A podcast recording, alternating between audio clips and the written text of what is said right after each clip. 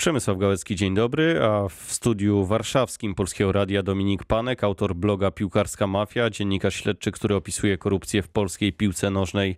Dzień dobry. Dzień dobry. Ponad 600 ustawionych meczów, 450 skazanych, 68 klubów zamieszanych w aferę korupcyjną. No powoli zbliża się ten wielki finał e, sprawy, która trwa od 8 lat. E, wrocławska prokuratura domaga się 6 lat bezwzględnego więzienia dla Ryszarda F., pseudonim Fryzjer, który miał być mózgiem tej przestępczej szajki. Czuje pan satysfakcję?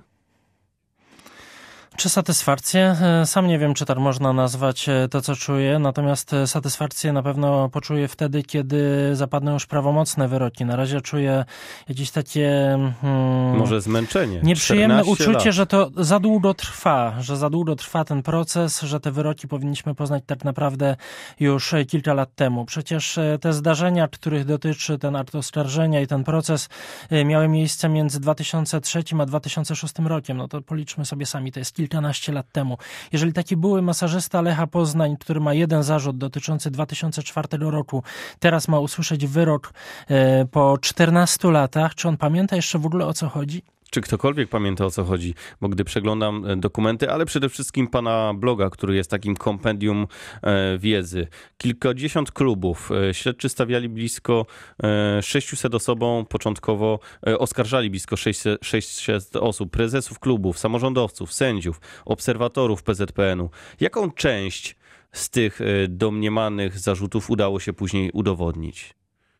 No niemal e, skuteczność prokuratury była niemal stuprocentowa. Tak naprawdę tych osób, które zostały uniewinnione później jest chyba kilkanaście, więc e, można uznać, że prokuratura uz, e, odniosła, prokuratura CBA i policja odniosły wielki sukces w tym śledztwie, że udało się zebrać rzeczywiście dowody, które w większości procesów były miażdżące, że sądy nie miały wątpliwości, że ci ludzie rzeczywiście e, ustawiali mecze, ci ludzie oszukiwali E, kibiców oszukiwali kibiców i samych siebie tak naprawdę, że to wszystko, co oglądaliśmy, to nie były prawdziwe rozgrywki sportowe, to nie były emocje, tylko to tak naprawdę działo się na niby. No ale to jest przerażające. Pisze pan o tym na swoim blogu. W latach 2003-2005 zdarzało się, że niemal wszystkie mecze danej kolejki ligowej były ustawione. Wszystkie mecze no niemal wszystkie powiedzmy, były takie kluby, byli tacy ludzie, którzy zorientowali się, że po 1 lipca 2003 roku nagle ustawianie meczów stało się przestępstwem i że już nie można tego robić e, e, legalnie, bo tak to trzeba powiedzieć, do tego 1 lipca 2003 roku e, ustawianie meczów w Polsce było legalne, tak naprawdę tylko PZPN mógł się tym zajmować i karać dyscyplinarnie kluby, a nie było w kodeksie czarnym takiego przepisu, który by pozwalał na ukaranie takich osób.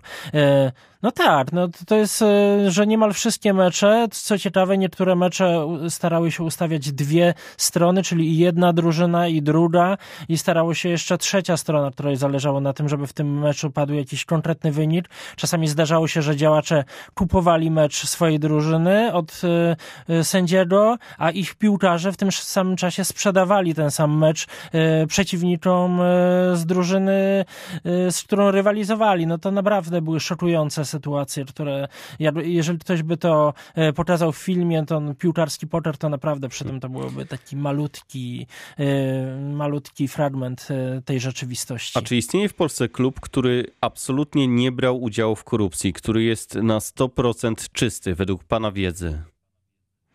Według ustaleń prokuratury oczywiście jest kilka takich klubów. Mówimy o tych klubach z najwyższego szczebla. Natomiast no, można ostrożnie spróbować postawić tezę, że były kluby, na które prokuratura nie znalazła dowodów, że brały udział w ustawianiu meczów, lub zakończyły takie ustawianie po tym 1 lipca 2003 roku. A co pan czuje, gdy widzi pan e, na ławce trenerskiej trenera, e, masażystę, który pracuje dalej z zawodnikami, czy samego piłkarza skazanego za korupcję, który nadal czynnie działa w polskiej piłce nożnej za niezłe pieniądze i ma się świetnie? No tak jak pan powiedział, no to jest e, tak, że tych osób było prawie 600. E, trudno jest e, wykluczyć wszystkich z działalności w sporcie. No niemal wszyscy oni po prostu zostali ukarani, ponieśli konsekwencje. Większość z nich była także skazana na, ukarana raczej karą zakazu działania w profesjonalnym futbolu, więc mia, miały ten jakby rozstanie z Ale czy nie powinien być to zakaz dożywotni, tak jak to teraz ma miejsce z dopingiem, gdy ktoś wpada po raz drugi. Najczęściej to jest e, dożywotnie, dożywotnie skreślenie z aktywnego uprawiania sportu zawodowego. No to byłaby to, to, to, właściwie temat na osobną rozmowę, bo musielibyśmy długo opowiadać o tym, jaka była rola poszczególnych osób e, w, tym, w tej aferze korupcyjnej. Jeżeli weźmiemy osobę, która na przykład ustawiła jeden mecz, bo na przykład koledzy się składali na e, łapówkę dla sędziego i ta osoba także w tym wzięła udział. No i jeżeli mamy ją ukarać dożywotnio, tak samo jak osobę, która e, zarządzała całym tym korupcyjnym biznesem, no to byłaby pewna niesprawiedliwość. Myślę, że to jest tak e, jak w innych dziedzinach życia, że jeżeli ktoś odcierpiał swoje, to, to może wrócić i uczciwie pokazywać, że może dalej grać w piłkę, może Ale sędziować. Ale to ciekawe, co może... pan mówi, bo gdy przyjrzałem stare wywiady z panem sprzed kilku e, czy nawet dziesięciu lat. E, był pan e, ortodoksem, mówił pan wprost. Zakaz nie ma miejsca dla tych ludzi w piłce nożnej. Tak, rzeczywiście na początku miałem dosyć radykalne zdanie na ten temat, natomiast ponieważ coraz bardziej poznawałem akta, coraz więcej się dowiadywałem, coraz więcej widziałem wyjaśnień ludzi, którzy opowiadali, jak to naprawdę wyglądało, jak wyjaśniali, ujawniali prokuraturze, jak to się działo, to wydaje mi się, że to byłoby jednak niesprawiedliwe, żeby ich odsunąć na zawsze od e, piłki nożnej. E, natomiast e, w jednym pozostaje jakby dalej niezmienione moje zdanie, że osoby, które zostały skazane za korupcję prawomocnymi wyrokami, e, nie powinny absolutnie mieć jakiegokolwiek dostępu do reprezentacji Polski. I to dotyczy zarówno piłkarzy, jak i trenerów. Ale mamy takich piłkarzy, którzy grają w reprezentacji Polski. No, a mieli do czynienia. Już nie mamy. Czy mieliśmy jeszcze, jeszcze w ubiegłym sezonie? Tak, e, pan Łukasz, e, który został skazany za udział w no To nie jest tajemnica, Łukasz Piszczek, tak? Wszyscy znamy tego zawodnika. Tak. E, e, jego kariera reprezentacyjna trwała wiele lat, grał świetnie, trzeba przyznać, że jest doskonałym piłkarzem, natomiast z racji tego, że miał taki incydent korupcyjny, uważam, że nie powinien był być powoływany do kadry. Są też takie osoby jak Czesław Michniewicz, e, obecnie trener kadry młodzieżowej, który nie został skazany, ale którego bilingi udowadniają, że dzwonił do no, słynnego na cały kraj fryzjera 711 razy. No tak, 711 połączeń takich e, rzeczywiście ustaliła prokuratura, że było między obu panami. E, no cóż, e, Czesław Michniewicz nie usłyszał żadnych zarzutów, nie, nie udowodniono, że brał w jakikolwiek sposób w korupcyjnym procederze. Więc trzeba uznać, że jest osobą niewinną i nie miał nic wspólnego z przestępczymi I po prostu panowie lubią ze sobą rozmawiać.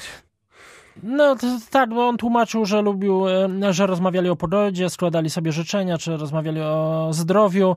E, no, myślę, że to każdy potrafi sam ocenić, jeżeli ktoś nie zna tych wyjaśnień Czesława Michniewicza, w którym tłumaczy, jak to wyglądało. Polecam swój blog, można tam przeczytać właśnie o tych 7, 711 połączeniach. Naprawdę ogarnia zgroza człowieka. No, to pomówmy o teraźniejszości. Pan, pan Boniek powinien sam sobie odpowiedzieć, czy Czesław Michniewicz powinien być e, trenerem reprezentacji młodych piłkarzy. Czy obecnie w Polsce mecze są ustawiane? Korupcja nadal występuje w piłce nożnej polskiej?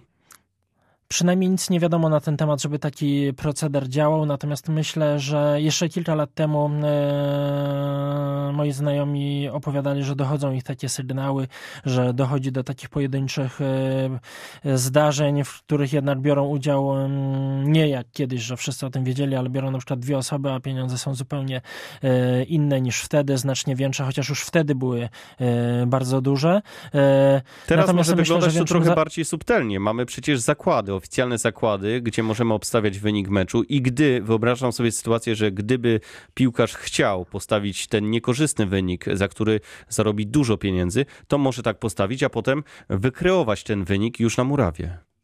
Znaczy tam nawet nie chodzi o wynik, tam chodzi także o poszczególne zdarzenia podczas meczu piłkarskiego, czyli wtedy, kiedy padnie pierwsza bramka, kiedy e, ktoś dostanie żółtą kartkę, czy ile będzie rzutów rożnych, więc to jest skala możliwości ustawiania e, w ten sposób zdarzeń sportowych jest gigantyczna.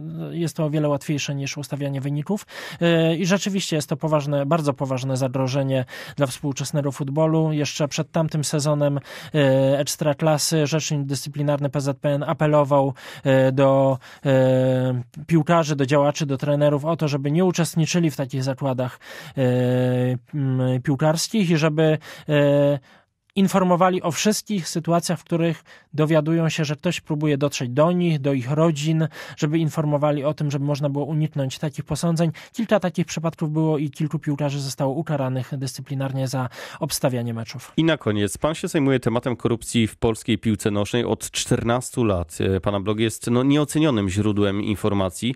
Po wyroku sądu prawomocnym będzie pan pisał nadal, czy może to oznacza koniec pana blogu, pana misji? 呃 no właśnie, zawsze jak słyszę to pytanie, to się uśmiecham, dlatego że tych procesów zostało jeszcze kilka.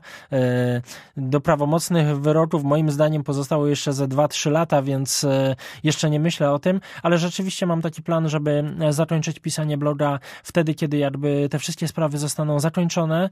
E, nie będzie korupcji już jakby w Polsce, e, w piłce nożnej.